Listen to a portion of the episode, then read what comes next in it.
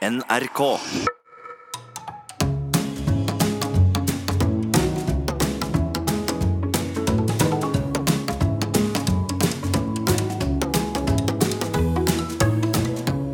Hjertelig velkommen til Sånn er du. Jeg heter Harald Eia, og med meg har jeg Nils Brenna. Det er riktig. Og mange av de vi har her eh, som gjester i Sånn er du, er jo ekstreme typer. De har noen evner eller noen trekk som gjør at de utmerker seg på en eller annen måte. Og i dag, Nils, skal vi komme til bunns i et menneske som etter alle objektive målstokker er noe utenom det vanlige.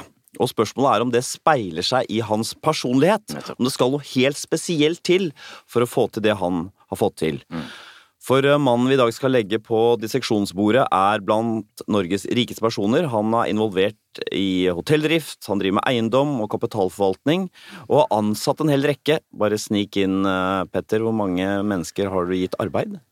Drøyt 16 000 når vi sitter her. Ja, Nettopp. Så eh, da skal vi, har dere sikkert skjønt, vi har fått besøk av Petter Stordalen. Hjertelig velkommen. Tusen takk. Du, eh, Rett før vi gikk i gang, så viste du meg at du hadde litt sånn eh, svette, klamme hender. Er du litt spent på å få vite eh, hvem du er? Jeg er alltid spent når du snakker om dissekering på hvor langt dere i materien. Og eh, når jeg dro gjennom denne greiene, så som de fleste tingene, så gjør jeg ting ganske kjapt. eh, Ja. Uten å litt sånn eh, intuitivt. Jeg bare krysser av og går videre. Det er sånn man skal gjøre det. Jeg er litt usikker nå.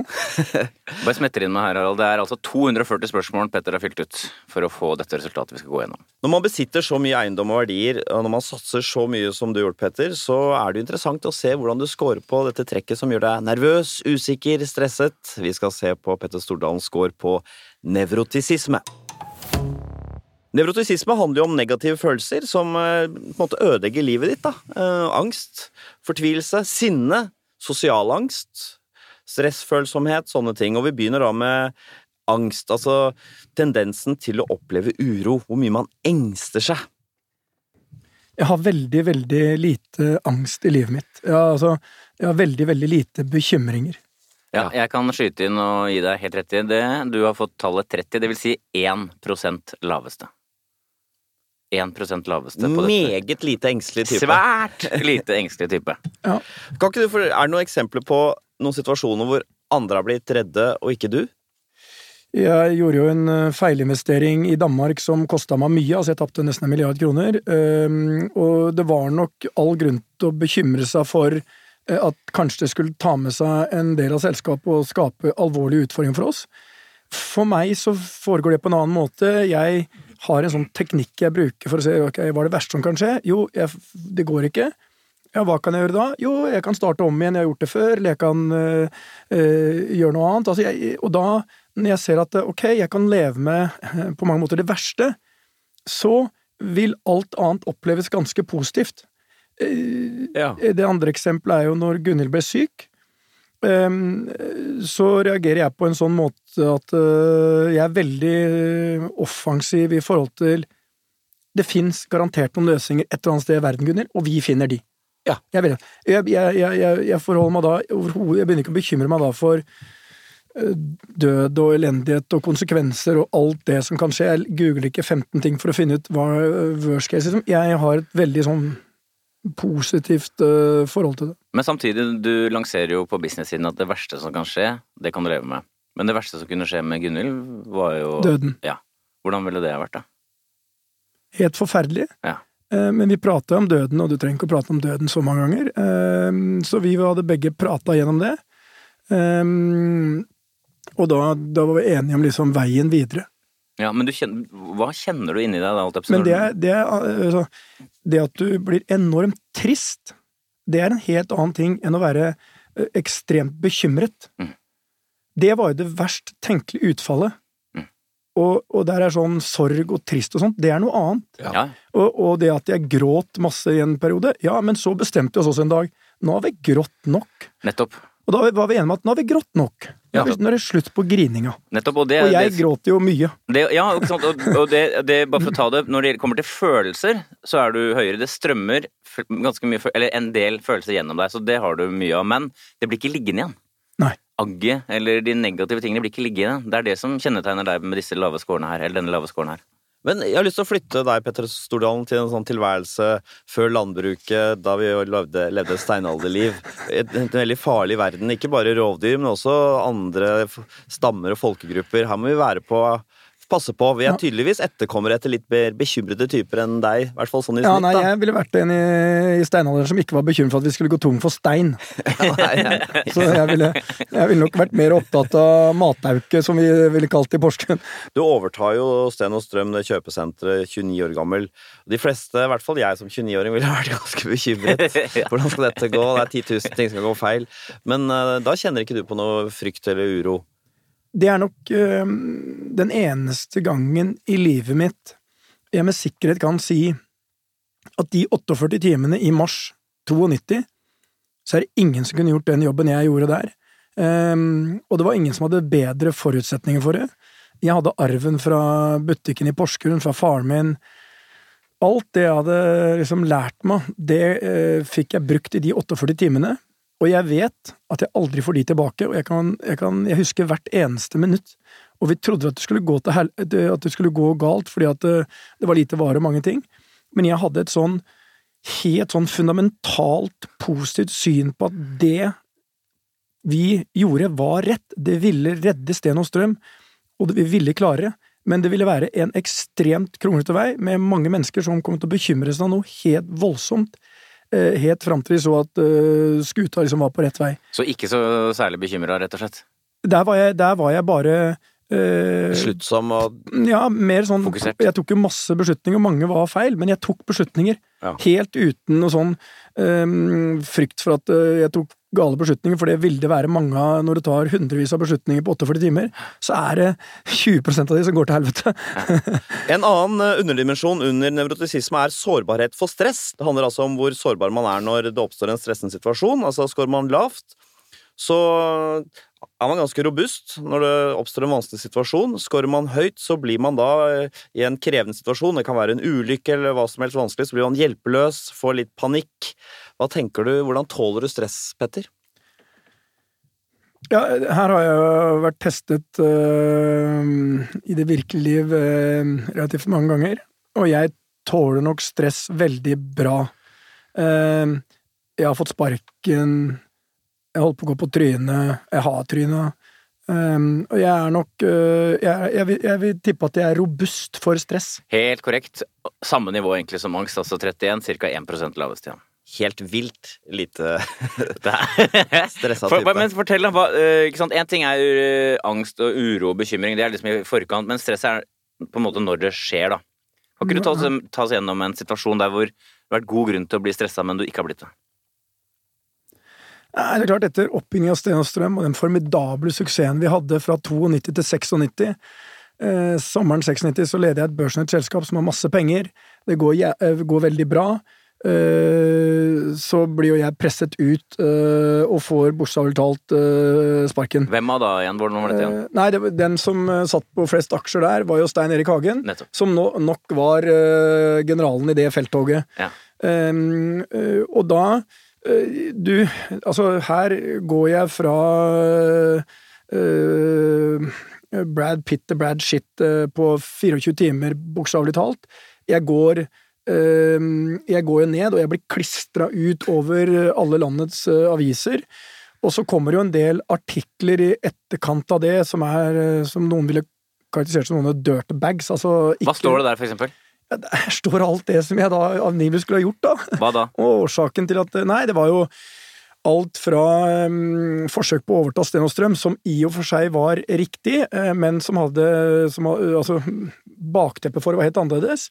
Og det sto at jeg hadde uh, fikk reiseregning og alt mulig smått okay. og stort. Ok, Eh, de skal ta deg. ja, det åpenbart. Altså, og de skulle ta meg eh, etter jeg hadde Jeg lå basically nede. Eh, Jeg syns Mike Tyson eh, Jeg ser nå når begge to eh, ser med store øyne, har denne mannen sagt noe fornuftig. Mike Tyson sa én ting som var ganske smart. Mm.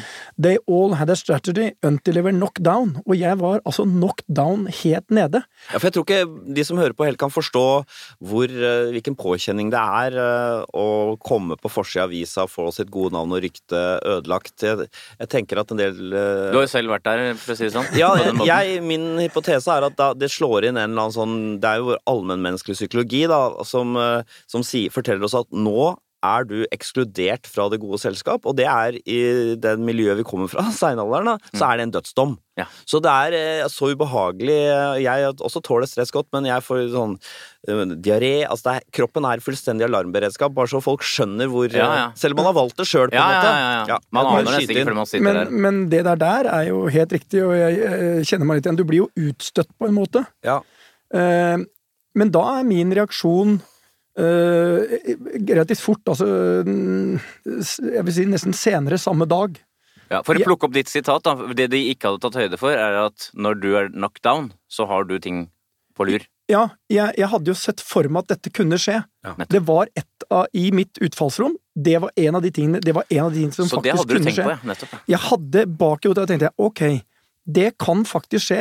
Nå er vi i en situasjon eh, og hvor jeg selvfølgelig firte jo ingenting på de tingene jeg mente var rett. Eh, eh, og jeg var nok eh, I ettertid så ser jeg at jeg var nok uklok i forhold til å forstå at han som har mest aksjer, faktisk bestemmer. Han bør ikke ha rett, men han bestemmer. Og da er det kun to muligheter. Bøy av. Eller, eh, og det var ikke noe Det var åpenbart Jeg hadde ikke kommet så langt eh, i den analysen, så jeg bøyde ikke av, og ble da eh, banket ut. Hva, hva, hva, hva var det andre valget, egentlig? Bøy av, eller Nei, det andre er å stå, men også stå da for konsekvensene. Så, så jeg hadde vært igjennom det, men når jeg da eh, står der uten jobb Riktignok så fikk jeg ut noe penger, så, så, så er jeg sånn at da tenker jeg på ok, jeg skal tilbake med et nytt selskap, et større selskap, bygd på de Ja. samme verdiene, og jeg skal forsøke å ha større kontroll på det selskapet. Nå gikk det ikke helt sånn, men jeg, jeg er veldig sånn positiv Altså, jeg har veldig øh, for, Jeg har en sånn rett mental innstilling. Jeg er ferdig med det. Sten og strøm er historie. Det jeg kan kan jeg bare ikke gjøre noe med det. det, altså, det selv Gud er, I mitt hode er det omtrent sånn. Jeg er agnostiker, men for å bruke da et eh, Selv Gud kan ikke forandre på den situasjonen jeg Nei. da er i. Nettopp. Men jeg kan bare kommentere det, for at du, det er et annet trekk under nevrotisisme som kunne ha vært med å spille en rolle her, nemlig fiendtlighet. Altså agg og grums som blir liggende. Det har du også veldig lav på. Bare så det er Nei, nei, jeg har ikke noe. Altså, Stein Erik Hagen gjorde jeg et prosjekt med seinere. Ja. Og få, det var jo noen som spurte Petter kan du samarbeide med han. Altså, det, altså, uten Stein Erik hadde ikke jeg hatt hotellselskapet, som, ble, som begynte som en investering i livet mitt, og ble livet mitt. Nei, det må jo være selvfølgelig en veldig fordel i en så tøff verden. Ja, Du legger, du legger ikke folk for hat. Du har jo veldig lav skår på fiendtlighet også. Det hadde jeg hadde tenkt Ja, men jeg har ingen har- fiender. Nei, har ikke, men har du ikke temperament, eller? Mye mindre enn du tror. Ja. Altså, det er, det, Det er mer energi enn temperament, kan man si det. Ja, det er det. For, hvis du hadde spurt Torgeir Silseth, som har jobbet sammen med i over 20 år, som er desidert den beste mannen på hotell i Norden, altså i helt egen klasse, Mm. og derfor leder han også hotellselskapet, fordi han kan mye mer om meg om hotell. Og hvis du hadde spurt han hvor mange ganger har Petter hevet røsten gjennom de siste 20 årene, så tror jeg han hadde svart aldri. Noensinne. det er såpass. Som eh, med så lav score på angst, da. eh, Hvordan har det vært som far? Har du vært noe bekymra for barna dine? Nei. Hvordan er en far med så lite bekymringer? Hvordan er det å være barna til en sånn far? Eh, jeg tror nok de opplever at eh, jeg har gitt de det nødvendige liksom, eh, rommet du var for å lære deg å bli voksen. Ja. Hvis du tar de største bekymringene foreldre har, da, alkohol, festing, manglende lekselesning, de, de nærmeste tingene man ofte får diskusjoner om. Et prinsipp. Du går på skolen for å utvikle karakter, ikke for å få gode karakterer. For å ta bort det derre jævla flinkhetsgreiene. Si alltid til barnet ditt 'du er så flink'. For når du ikke sier det, så får en del eh, konsekvenser for barna. Var jeg ikke flink denne gangen? Ja. Spør helt sånn Var det moro? Hadde du det gøy? Følte du at du beherska liksom, Fikk det til, ja. ja. så liksom, det er litt annet sånn. Ikke Og det neste, det er det der med alkohol. Jeg er jo ikke naiv. Kom fra Porsgrunn, hadde nattklubb ulovlig fra jeg var 16 år. Eh, jeg hadde jo ikke, selv om jeg sa til barna mine det er nulltoleranse for å drikke før dere er 18, så er jeg samtidig ikke så naiv at ikke jeg tror at både Henrik var kanskje den som venta lengst, men både Emilie og Jakob testet nok dette fra de var La oss håpe de var 16. Ja. Ehm, men det var ikke noe som bekymra meg. Nei. Vi hadde innetider så lenge de respekterte det, og kom inn og skulle prate med meg. Noen ganger så er det greit, sov godt, liksom. Eh, Noen ganger sto jeg opp hvis jeg var litt sånn er det jeg er litt sulten, tar en brødskive, blir du med? Så hvis ting var greit da, spurte aldri 'har du drukket', Nei. for da lærer barna å lyve. Mm. Nei, det har jeg ikke. Så jeg, jeg tror nok når de opplever at jeg eh, Jeg har nok ikke vært en eh, Jeg har ikke pusha barna mine. Så det er ikke på grunn av meg, det er nesten til tross for meg og på grunn av deres fantastiske mor at de har blitt så bra som de har blitt. jeg, jeg var jo heldig å få verdens beste mor til mine barn. Hva skal vi si, Nils? Petter Stordalen, er han eh, som Woody Allen, en engstelig type som går skjelven gjennom livet? Det kan vi eller? trygt si at han ikke er. Han har da Han har ekstremt lav score på nevrotisisme. Rett og slett burde du hatt sånn high score eller high low-lyd her nå. Den aller laveste av alle som har vært her faktisk på nevrotisisme. Tallet er 23. Altså, Det er så lavt, Petter. Er du, du holder foredrag iblant hvor du skal lære andre om å tørre. Og da tenker jeg på, Hva kan du lære andre om å tørre når det er så lett for deg å tørre? Det er ikke farlig å feile. Nei, men hvis... For deg, nei. For deg. Du, du er jo så uredd. Du er jo så ekstremt lite redd. Hva kan du lære folk som er redde? Ja, det, det er at det er ikke så veldig farlig om ting går til helvete. Det er faktisk eh, måten Ja. vi lærer på. Nettopp. Altså, det er, Worst case det scenario. er, det er sånn vi utvikler oss. Eh, Det er faktisk Første steget til å lykkes er å tørre å feile. Altså, jeg har feila så mye, gjort så mye idiotisk, selv opp til den dag i dag, men jeg har blitt mer og mer avslappet til det å feile. Men erfaring gjør også at du gjør, du gjør jo ikke de samme feilene forhåpentligvis mange ganger. Eh, Så jeg gjør færre av de. Men eh, det er ikke så farlig. Jeg sier til mine barn det er sånn Det er greit. Så det er jo ofte det redde folk eh, gjør feil, da, at de ikke tør å se og engang tenke hva, hva som vil skje hvis de gjør det de frykter mest. Da vet vi det, Petter. Du er en eh, uredd eh, type. Men så skal vi da finne ut uh, om du også er en utadvendt, eller om du er en stillferdig innadvendt. Her kommer Petter Stordalen score på ekstroversjon.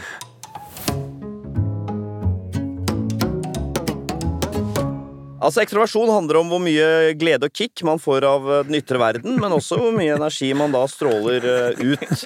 Og vi begynner her med en eh, sånn interessant underdimensjon som heter varme. Ekstrovert varme. Det handler om hvor mye energi som investeres i å pleie nære relasjoner gjennom da vennlighet og hensyn.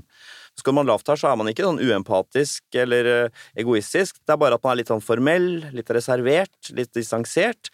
Skår man høyt derimot, så er man da fort til stede, man er kjærlig, vennskapelig, knytter seg lett til andre.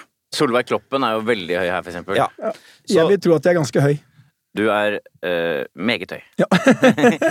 Tallet er 63, det vil si en sånn 6-7 høyeste tross alt. For dette er jo ikke den klassiske ekstrovertfasetten, Harald, så, som du var inne på.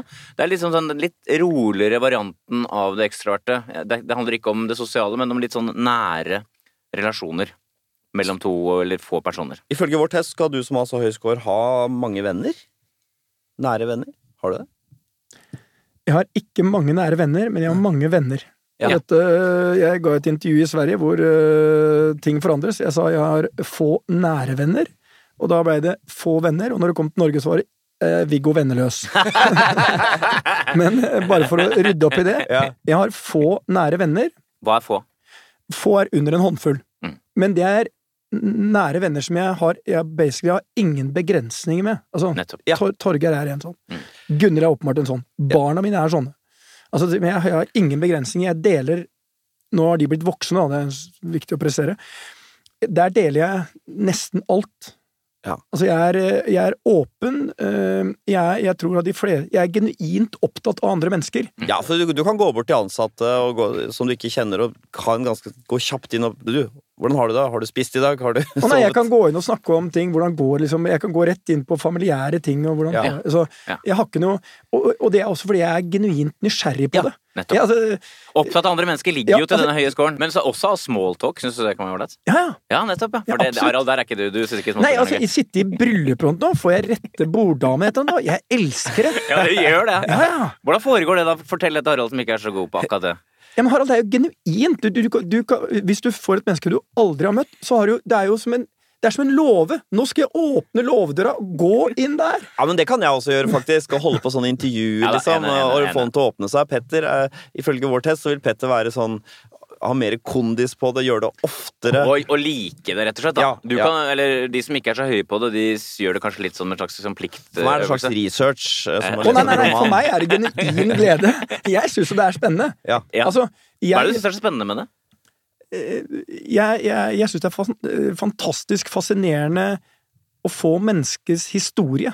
Altså, eh, født sånn, blitt sånn, hva skjedde underveis? Mm. Alle de tingene. Når du har så høy score, så har du sannsynligvis da lett for å knytte deg til folk. Hva slags forhold har du til din eks, altså moren til barna? Eh, altså, jeg jo, var jo heldig å få verdens beste eksamen, og, og jeg har et godt forhold til henne. Noen syns det er merkelig at vi drar på ferie sammen. Altså min eks eh, og min eh, og Gunhild, som er min nåværende, og eh, min ekses eh, kjæreste gjennom mange år, og deres familie og barn og, såpass, ja. og min. Så alle er vi der. Stor, lykkelig gruppe. Ja, jeg må jo liksom spørre, hvorfor ble det slutt? Eh, det var også da mer enn 80% min feil. Ja. Jeg hadde en periode i livet mitt eh, hvor jeg nok gjorde en del valg eh, hvor jeg ikke skjønte at den veien jeg var på vei eh, på, eh, den gjorde at eh, jeg glemte litt eh, eh, å ta vare på og pleie forholdet. Okay. Um, og jeg var øh, nok i den perioden litt for selvsentrert. litt for opptatt av jobben. Um, og mista litt balansen, som jeg tror er veldig viktig. Um, og hun ble um, Måtte ta et ganske stort ansvar for barna til de var i tenårene. Og så ringer hun meg og sier 'nå må du komme på banen', og det gjorde jeg.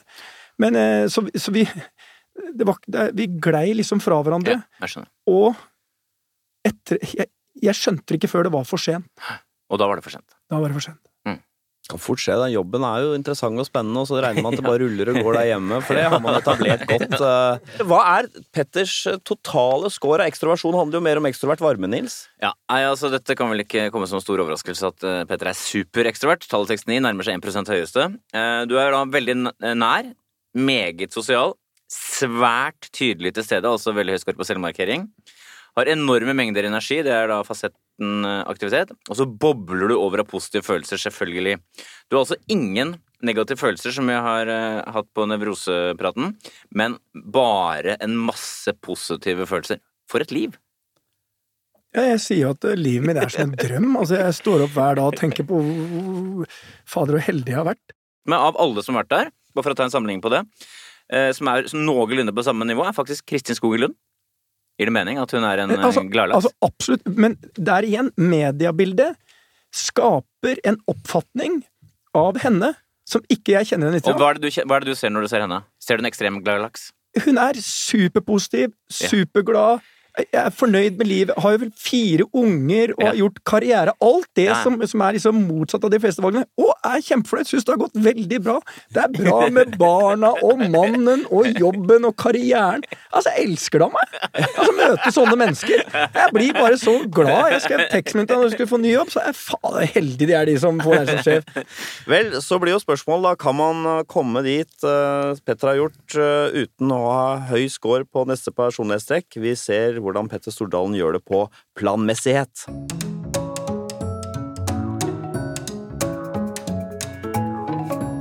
Planmessighet det handler jo om viljen og drivkraften til å prestere og oppnå sine mål. Det, å stå i det, vil jeg si, når ting er kjedelig.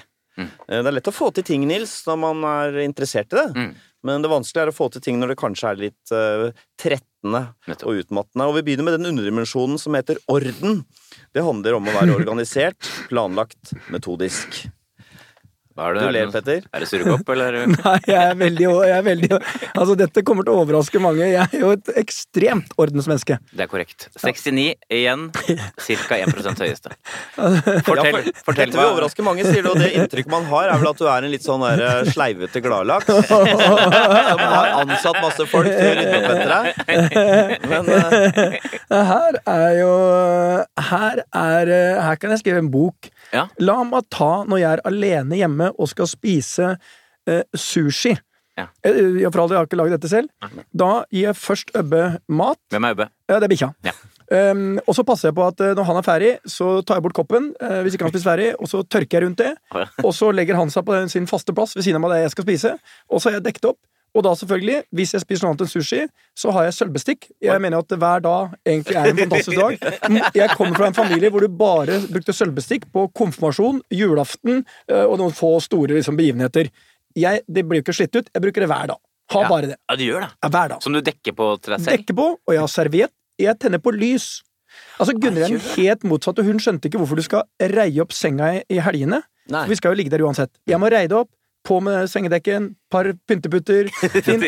Kommer tilbake der eh, om kvelden og er litt fornøyd. da. Har rista putene og Ja, og jeg samme æren jeg spiser, da. Ta på luktelys, kanskje, et par andre lys. Selv når jeg er alene. Hva gjør du da? Sitter du bare og ser rett fremfor deg? Nei, nei, nei, da har jeg på TV-en, og så har jeg computeren, så for jeg kan se, følge med på hva som skjer. Og så har jeg gjerne, liksom, hvis jeg skal jobbe, har jeg det der. Så jeg har tre-fire ting, liksom. Ja. Og så har jeg da alt dette rundt meg. Bikkja er der, jeg føler harmoni, har et glass vin eller en kald øl. Ja. Altså, jeg synes, og jeg syns livet er helt fantastisk. Men hvis det hadde vært rotete der, hvis det hulter til bulter, hva, hva hadde Det, det er ikke brødsmuler på den benken. Ikke tenk på det engang. Altså, da, da, da har jeg tørka over det først. Selvfølgelig sjekka om kluten lukter surt. Uh, For gjør den det, så er det bakterier inn, og da bruker jeg en ny klut. Men hvordan er det? Har du brettekanter på ting og sånn? Ja, Ja, det var det. Ja. På... jeg har liksom organisert dressene, eh, litt sånn fargekoder og Ja, det var det. Altså, når jeg kom hjem til min søster Kjersti i Porsgrunn skulle feire julaften for mange år siden, eh, så eh, spurte jeg om tillatelse til å rydde opp i bokhylla og det rom vi skulle spise julemiddag i. Og hun har jo ikke noe forhold til dette. Mutter'n har jo fortsatt Hun hadde noen fine julenisser sånne på, fra Porsgrunn porselen, og det, der, det er jo sånn så minipper sånt nå. Heldigvis skulle vi spise hos Kjersti, som har litt mer orden. Så han gjør hva du vil. Når de hadde gått og lagt seg da lille julaften, så setter jeg i gang operasjon i sånn orden. Og da begynner jeg med bokhylla, rydder ut, tar av alle disse her som er står utenpå bøkene, Ja, for å få dette fargemessig og riktige størrelser. Ja, nettopp, sånn at hele rommet Ja, er jo nytt. Jeg tar bort en god del ting. Det går en seks-syv søppelsekker, men det blir jo en helt annen glede å sitte i det rommet. Ja, ja, ja. Dette er jo trekk som eh, skaper en del problemer i parforhold, hvis, hvis man er veldig forskjellig. Med denne scoren her, så er det jo relativt sannsynlig at du har vært i forhold hvor noen har vært lavere enn deg, for å si det sånn. Nei, nei, nei det, det spiller ikke så mye rolle for meg hva de andre måtte gjøre. Nettopp. Nei. Så du bare- ikke over andres rot, altså? Nei, altså barna mine blant annet, de, de, det ser ut som eh, På Jacobsrom så vil det alltid se ut som Al Qaida et årsmøte eh, hvor det gikk av et par Molotov-cocktailer. eh, Og han mener at og Emilie mener at konseptet med alle klærne liggende rundt seg er bra. Ja, Jeg klarer jo ikke det. Så innenfor de, den døra Så det er ikke så farlig for deg, det, egentlig? Nei, den døra den bak der, så er deres rom. Men i fellesrommene, sånn som å komme inn til et hus hvor liksom det er 48 par sko Men barna mine, jeg klarte ikke å lære de at sko settes ved siden av hverandre. sånn de, Jakob sparker i asa, og den siste går liksom tre meter uh, unna den andre. Og da syns han det er helt greit.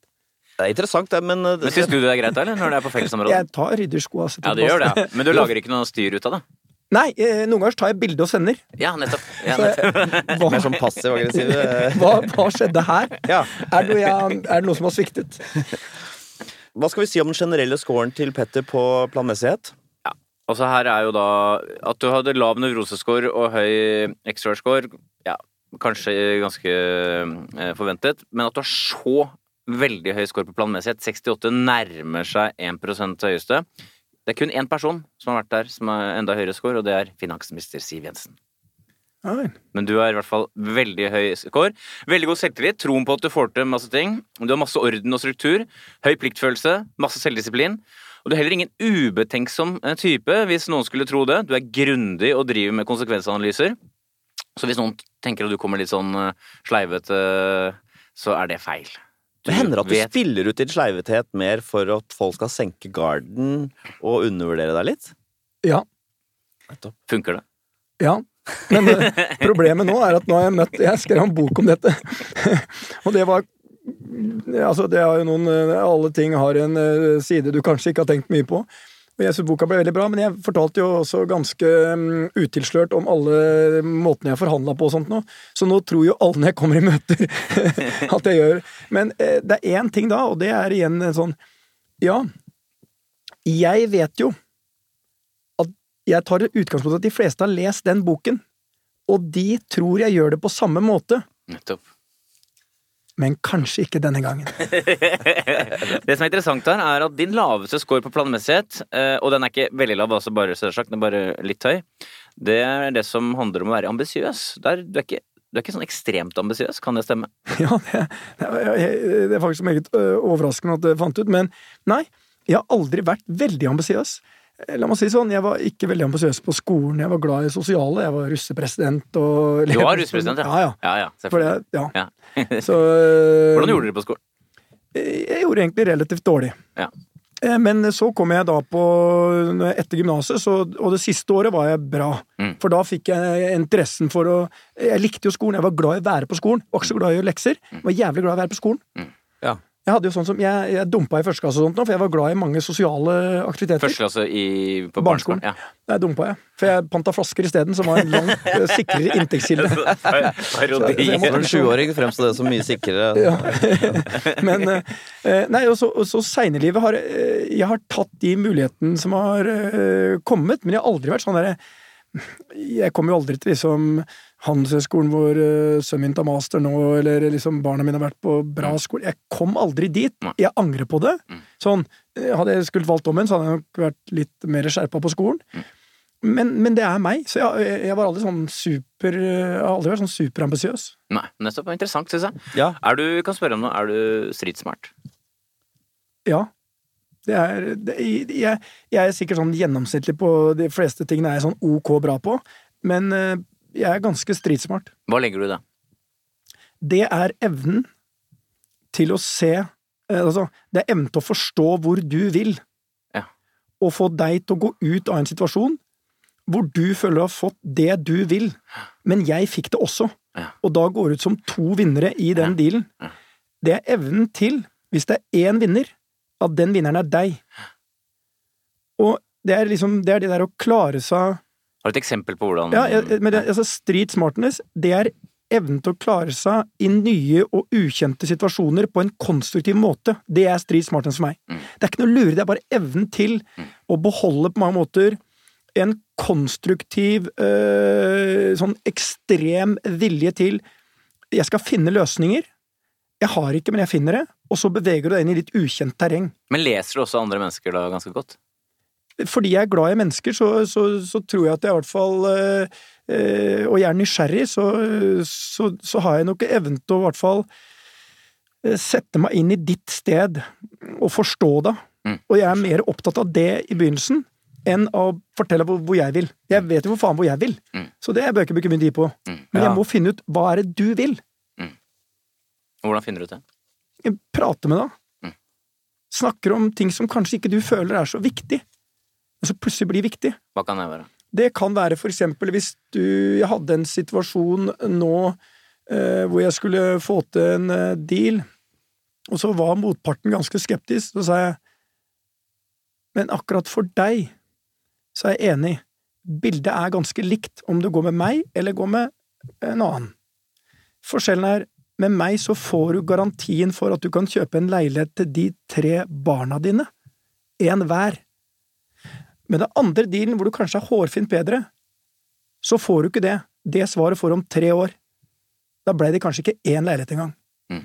Så hun går hjem til kona di og si dette er vi i hvert fall sikra leilighet til barna. For han var genuint opptatt av barna og barnas fremtid. Det hadde du kartlagt. Det, og det var avgjørende.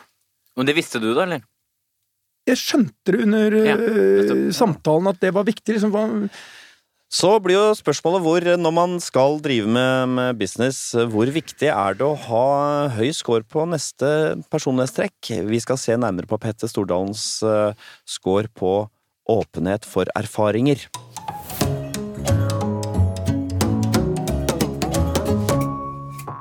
Åpenhet, eh, Petter, det handler jo om å være søkende og nysgjerrig, både innover, eh, men også utover.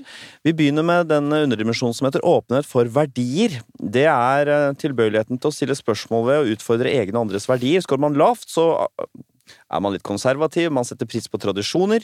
Skårer man høyt på åpenhet for verdier, så er man da ser ikke så svart-hvitt på ting, man er villig til å utfordre konvensjoner og verdier.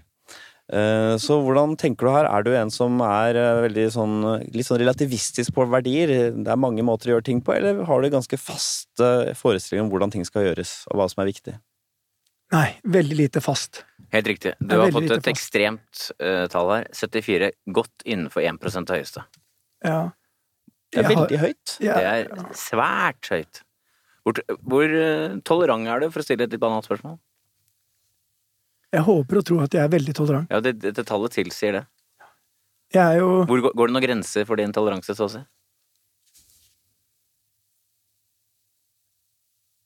Den grensen er nok eh, ganske høy.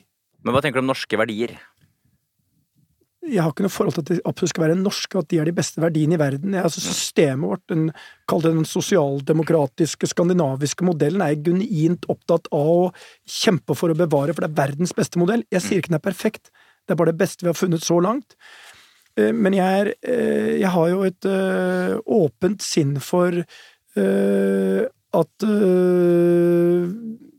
vi må være mer inkluderende, vi må forsøke å forstå. Eh, Jeg vil heller Jeg, jeg er veldig lite dømmende. Det er riktig. Altså, det, du kan ha vært i fengsel, jeg tror fortsatt du kan få mange gode år i Choice.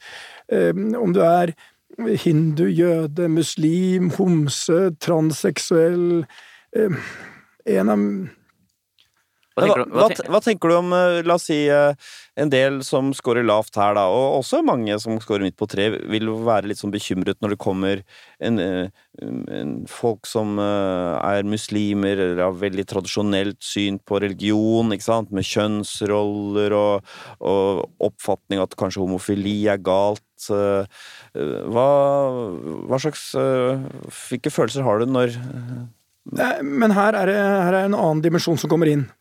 Jeg firer ingenting på verdiene vi har. Altså, jeg, jeg mener også at det er gjensidig. Mangfold for meg, altså inkluderende det å, det å ha At du skal få lov til å være glad i hvem du vil, elske hvem du vil, det er en helt ufravikelig verdi. Det er en del av fundamentet vårt. Jeg aksepterer ikke rasisme. Jeg aksepterer ikke den ekstreme polariseringen de og oss. Jeg tror det er farlige krefter som kan være destabiliserende for hele samfunnsstrukturer. Det er mange ting jeg ikke aksepterer. Ja. Så det er ikke relativist, det er ikke sånn at alle får mene hva de vil, så Å, nei, nei, nei. Nei. Men hva, hva, la oss si du hadde en i, i, din, i dine hoteller som ikke ville håndhilse, for eksempel, av religiøse grunner. Hva ville du tenkt om det? Det vil jeg synes var krevende. Ja. Fordi det er på samme måte som La oss si at det er en kvinnelig lege som møter en som er en meget konservativ øh, religiøs person, som skal akseptere at den legen skal rektaleksplorere og gjøre alt mulig, men å håndhilse, det vil han ikke. Mm. Der har jeg et problem, for jeg mener samtidig, det går begge veier. Du må komme og akseptere en del. Jeg aksepterer mye, men da forventer jeg også det tilbake. Hva med nikab? Sånn eh, ansiktsdekkende Eh, Det er akkurat samme for meg. Ja. Eh, Vi må akseptere at hva de gjør eh, i visse situasjoner, det har jeg full forståelse for, det er helt greit, men ikke hvis de skal gjøre en jobb, gjøre et eller annet, Mm. være en del av liksom alt fra eh, å gå gjennom passkontrollen eller hva det skal være. Mm. Så, eh, så det er For meg er de tingene aldri veldig komplisert. Hva du gjør privat, Mm. hva du ønsker å gå i privat, det er ikke noe jeg skal bestemme. Mm. Eh, Men skal du inn i en del situasjoner, så må du også akseptere. Mm. Så det går eh, Og vi har jo i hotellskapet har vi jo da 170 nasjonaliteter, og vi er veldig opptatt av de tingene. Og jeg, jeg ønsker et samfunn med stor aksept for annerledeshet. Ja. Og de som ikke aksepterer stor aksept for annerledeshet, de, de, akkurat de kreftene er du imot, for å si det sånn. Ja, altså, ta, det, ta de veldig enkle, da. Ja. Når noen øh, øh, kristne organisasjoner sender brev til oss om at de klipper opp lojalitetskortet sitt fordi vi støtter pride, Ja. da skriver jeg en blogg, og da støtter jeg pride enda mer. Ja. Eh, når noen eh, får eh, kvaler fordi vi tar imot praktikanter, altså eh, forsøker å integrere de menneskene som har kommet hit av en eller annen grunn, Mm. der har jeg nulltoleranse. Ja. Altså, jeg forholder meg ikke til hvor mange vi skal ta inn, men når de har kommet hit, så skal jeg være med å løse de utfordringene. Det representerer at de ikke får jobb fordi de har enten feil navn, ikke kan språk. Det skal jeg være med. Mm. For det er det som bygger det samfunnet jeg mener er viktig. Vanligvis, av de jeg kjenner av velstående folk som driver store bedrifter, så kjennetegnes ikke de nødvendigvis av å ha den toleransen du har. De kan være ganske konservative typer. Eh, er det riktig oppfattet? At du skiller deg litt ut her? Jeg vet ikke hvem som skiller seg ut, men, Jo, men jeg, jeg er helt overbevist om følgende. At mye av den kapitalismen jeg ser, som jeg mente feilet sist gang i 2008, den tror jeg ikke er bærekraftig. Vi Men- trenger en ny og mer bærekraftig kapitalisme. At det er en del mennesker som forfekter eh, eh, helt motsatte syn av meg, blant annet at skatt er sivilisasjonens kostnad. Eh, hvis ikke de forstår hvorfor du betaler skatt, hvis ikke de forstår at det er en uskreven kontrakt mellom oss som kapitalister, og jeg er kapitalist, og samfunnet, og at de må respektere oss som kapitalister, så vil vi kanskje en dag oppleve endringer vi ikke liker. Så vi må opptre på en måte som skaper en respekt over hvordan vi forvalter det vi er satt til å forvalte. Og derfor sier jeg at eh, når jeg overførte selskapet til mine barn, så var ikke det for meg så mye overføring av verdier som overføring av et verdisett, et tankesett om hva selskap skal være. For meg er Nordic Choice mer en idé om et fremtidig liksom, måte å drive på enn akkurat en sånn kapitalistisk organisering av profittmaksimering. Ja. Og noen mener at det gjør meg til sosialist. Helt fine, kall meg hva du vil. Jeg tror bare at denne modellen tror jeg på. Jeg tror genuint på den. Og hvis ikke du forstår at vi er helt avhengig av å finansiere velferdsstaten, da forstår du faen ikke en dritt. Altså Hvis ikke du forstår at jeg er avhengig av veier til hotellene mine, jeg er avhengig av politi, er avhengig av eh, velferdsstaten skal betale skole, barnehage, alle de tingene, da forstår du ingenting. Og hvis du flytter et skatteparadis, så, så jukser du i min verden. Så Panama Papers, hvis du sto der, så bør du skjemmes. Ja. Og, og, derfor, og det igjen handler om Jeg vil ha et samfunn som er helt transparent. Helt åpent. Jeg vil ha et samfunn som ser hvor mye betaler Petter i formuesskatt, hvor mye betaler han i skatt, hvor mye betaler han liksom, Alt det der, det er sånn. Jeg vil, ha, jeg vil ha et samfunn hvor du, hvor du åpent ikke bare redegjør for regnskapet ditt, du skal ha regnskap på miljøutslippene dine, på hvor mye du forbruker av vann og kjemikalier, og mye, mye du kaster av matavfall. Jeg vil ha det på liksom samfunnsansvaret ditt. Jeg vil ha et, jeg vil ha et annet samfunn. Ja. Og det bruker jeg masse tid på, og jeg tror på det. Jeg tror det er nødvendig at vi lærer barna våre i skolen at det, de heltene er ikke de som feila på Wall Street. Heltene er ikke de som går på Harvard Business School og snakker om at det, det handler om å skru ut mest mulig, og profittmaksimering, det er det vi vet. Det er ikke sånn det er, og det er ikke det du faktisk underviser der. Nei, det er jo tiltredes, for å si det sånn. Helt enig. yeah. Men det jeg, det jeg også lurte på, var uh, din høye score på åpenhet for verdier, hvor du er veldig tolerant og lite opptatt av tradisjoner. Sånn som jeg har oppfattet det, så er en, en del av de uh, som er, har din posisjon i Norge, som jeg har snakket med Dette er ikke sånn representativt utvalg, men de er ganske misliker islam ganske godt. Ikke sånn kjempe på Driver for likestilling.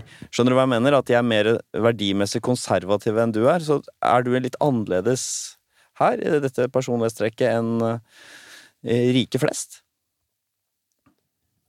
Jeg er ikke så veldig opptatt av rike flest, egentlig. Jeg er opptatt Nei, da, men du skjønner spørsmålet. Ja, ja, eh, jeg er sikkert annerledes eh, I debatt når du er i middager, for eksempel, er det sånn at du Definitivt. Vi må kjempe for de tingene som er viktige. Vi må kjempe mot de kreftene som snakker om homser, transer, lesber, muslimer, alt sammen, som noe som eh, Det, det blir nesten stigmatiserende.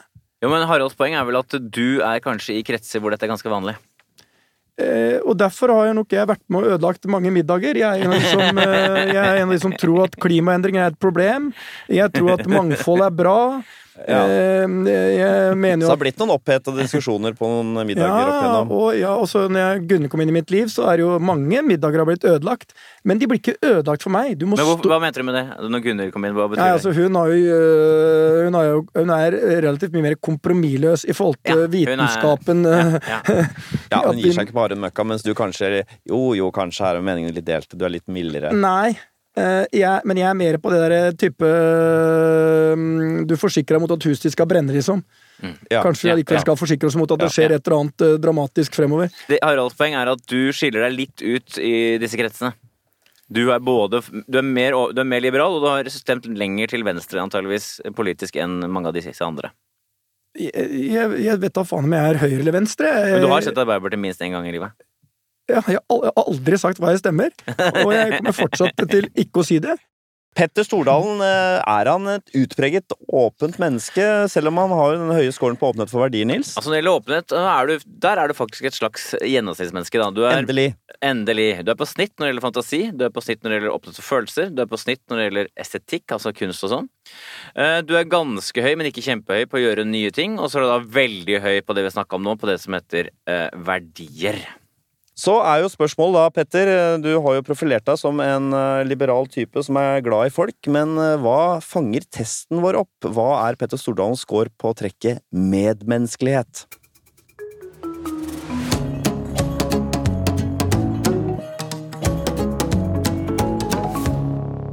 Medmenneskelighet handler om samarbeidsvilje, medfølelse, hjelpsomhet, den type ting. Eh, Og kort sagt om man møter andre mennesker med åpne armer eller piggene ute. Og Vi begynner med underdimensjonen føyelighet. Eh, Oppstår en konflikt, Petter? Er du defensiv? eh, Da er du altså føyelig, trekker deg litt unna konflikten. Eller konfronterer du? Går du hardt inn? Det som noen vil kalle en litt kranglefant, da. Skårer du lavt eller høyt her? Her er jo blitt analysert en av Torgeir Silseth, som har jobbet sammen med meg i mange år, og han sa vel på NRK Petter er totalt konfliktsky. Ja, det, Så det er, det er helt, og det, er- det, dette syns jeg er helt uvirkelig. Synes Tallet er 76 1 høyeste. Det er nesten ikke til å tro. Dette er jo ikke dette inntrykket man får. Du jeg tenker at du er noen skikkelig tøffing jeg, som liker å ta en krangel. Nei, jeg tror ikke konflikter og krangler eh, nødvendigvis fører oss videre. Men hva, er ditt, men hva kjenner du inni deg da, når det drar seg til? Ikke veldig mye. Nei. Det er veldig få ganger jeg kjenner veldig mye inni meg. Du er Ja. så du er ikke konfliktsky, egentlig? Du er ikke redd for det? Nei, jeg, jeg, og det er, her er det viktig å rydde opp litt. Jeg er ikke redd for konflikten, Nei. men jeg tror ikke konflikter er bra generelt. Nettopp. nettopp. Altså, jeg jeg lever litt konfliktsky, og jeg lever godt med det, men, men jeg, jeg, jeg krangler jo selvfølgelig, jeg også. Noen ganger så koker det litt over i kålen. Men, eh, og spesielt når jeg diskuterer med Gunhild, kanskje. eh, Og, eh, men jeg mener at eh, jeg er litt sånn konsensusorientert, hvis Ja, det gir mening. Det kan man Ja. trygt si ut fra denne Ja, skålen. jeg vil eh, Jeg vil gjerne at vi skal være enige. Og det er ikke nødvendigvis sånn at eh, hvis jeg har oppfatning at vi skal gå i den retningen og dit, liksom, eh, og andre har andre oppfatninger, og hvis jeg ser at vi noenlunde når samme mål, liksom, men det er litt andre veier til målet, det er helt greit for meg. Jeg, jeg lar heller da andre velge sine veier enn å ta en stor diskusjon på at det fins bare én vei. Nettopp. Eh, men Men jeg er, motsatt ikke, av sta, egentlig, dette her. Ja. jeg er ikke veldig sta. Nei. Nei. I visse prosesser så tenker jeg forhandling, og at du må liksom eh, slå litt sånn hardt til og sånne ting. Er du mindre egnet til det? Nei, men noen ganger så bestemmer jeg meg for Jeg prøver å dytte advokater og sånn foran på å ta den der. Jeg er jo den som vil dytte noen av de andre foran. For Hvorfor å ta, det? Jo, for det er lett hvis no, altså, Noen ganger så må du ha noen som tar de eh, fightene. Mm. Jeg vil helst unngå det selv, Hvorfor?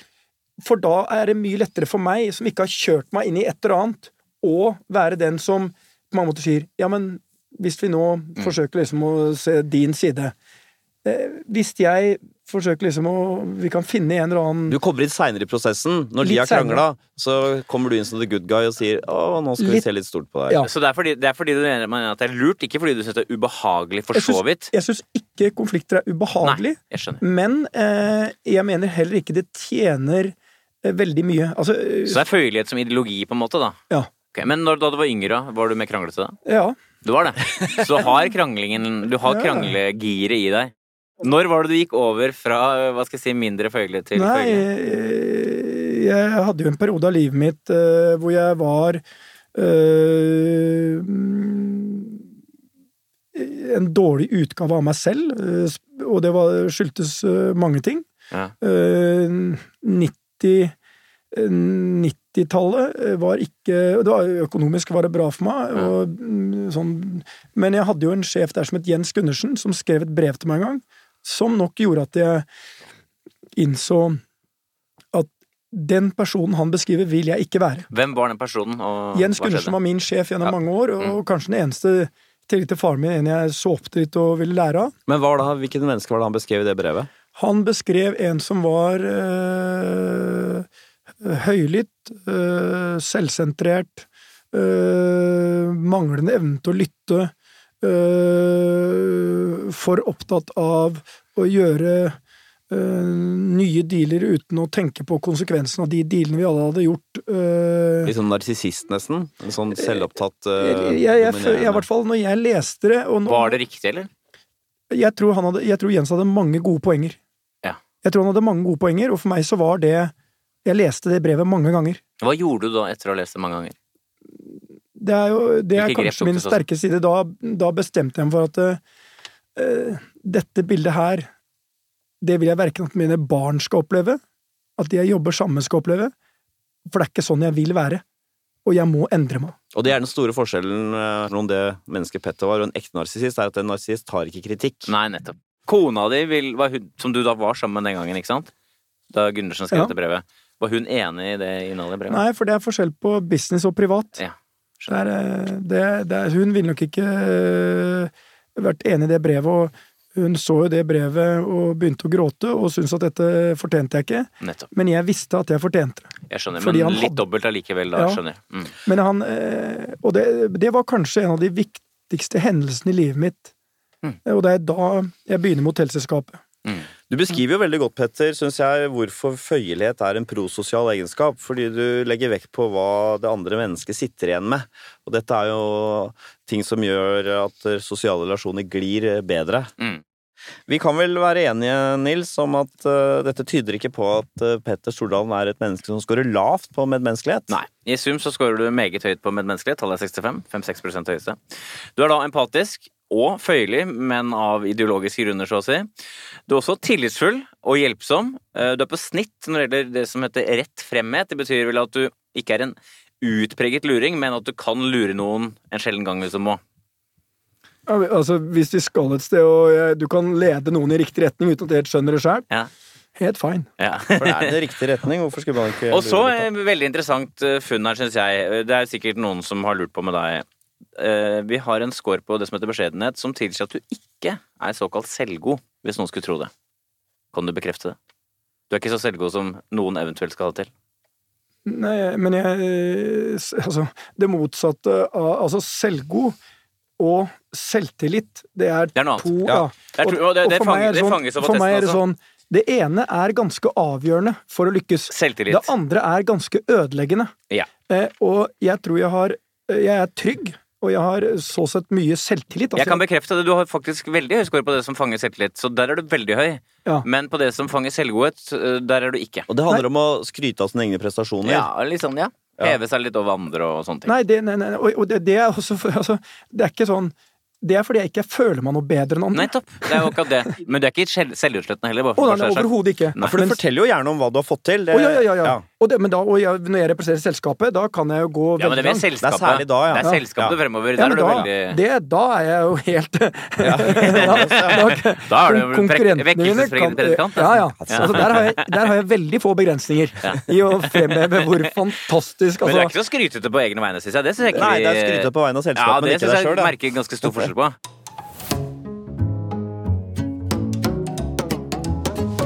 Vi har da gått gjennom Petter Stordalens score på fem personlighetsdimensjoner. Nå er tiden kommet for å oppsummere. Hvem er dette mennesket? Petter Stordalen. Petter, vi gikk ut med en hypotese om at du var en eh, ekstrem type, og den hypotesen har vel blitt bekreftet, Nils? Det syns jeg vi trygt kan si. Kanskje den mest ekstreme typen vi har hatt her. Fullstendig uredd, voldsom tilstedeværelse og energi, hypertolerant, empatisk og, for meg mest overraskende av alt, så lite steil og konfliktglad til tross for uh, sin voldsomme energi. Mm, kunne jo tenke seg at det kom et sånt litt sånn kranglete bulldoser, men det gjør det ikke. Så du har svart helt ærlig her, eh, Petter, og dette stemmer overens med dine nærmestes vurdering av deg, eller? Jeg tror nok at de som kjenner meg godt, ville kryssa omtrent ut på samme lista. Og det jeg er mest glad for, det er at eh, uten Jens hadde jeg kanskje ikke uh, sittet her eh, Og Gundersen, da, ikke Stoltenberg, bare for å Jens eh, H. Gundersen fra Goen gård. Som fikk til denne endringen, et Ja, som vendepunkt nok i livet ditt. Sånn eh, fikk meg til å reflektere litt Mm. over eh, hvem jeg vil være. Mm. Tenker du at det er et større potensial for å endre personlighetstrekk enn det mm, folk er klar over? Ja. Jeg tror vi alle har, eller veldig, veldig mange av oss, kan endre oss. Det er sånn som Vi har jo fått et samfunn hvor det nesten er sånn eh, Det blir bedre stigmatiserende å gå til en psykolog eller en psykiater. Men det er for meg bare en PT for huet ditt. Det er åpenbart er du i dårlig form, så skal du gå til få en PT og trene, men det er ikke like åpenbart er litt dårlig form. Så jeg tror mennesket har en enorm evne til læring og endring. Men kan jeg spørre deg, har, har du gått til psykolog nå? Jeg har vært hos psykolog, og jeg, jeg fant det eh, fantastisk interessant. Det er jo interessant med et så uplaget menneske. Er interessant, Harald, Ja. men samtidig ganske åpen for det. Så du Eh, Hvorfor nei, gikk du til psykolog? Hva Jo, var det? eh, dette blir jo veldig personlig, men eh, etter Gunvar eh, gjennom den andre runden, eh, så hadde vi behov for Det har vært eh, altså, eh, to eh, røffe runder, og vi hadde behov for å eh, ha et menneske å prate med, og prate igjennom tingene. Eh, og det opplevde jeg var eh, både spennende og interessant. Eh, og jeg er nok en av de som har vært litt sånn nei, gå til psykolog, Ja. altså, jeg har det bra. Men det, var- det var da jeg tenkte at det er litt sånn PT for huet ditt. Det stilles spørsmål, du reflekterer over ting, og du ser deg selv kanskje i et litt annet øh, lys. Så, eh, så jeg syns det var eh, jeg, jeg, jeg, burde sannsynligvis gjort det i, på 90-tallet. Tok litt tid. Før Gundersen på det brevet. Ja, Hadde han kanskje ikke skrevet brevet. Du, Petter, tusen takk for at du kom, at du delte tiden din eh, med oss og hvem du var. Lykke til videre. Tusen takk.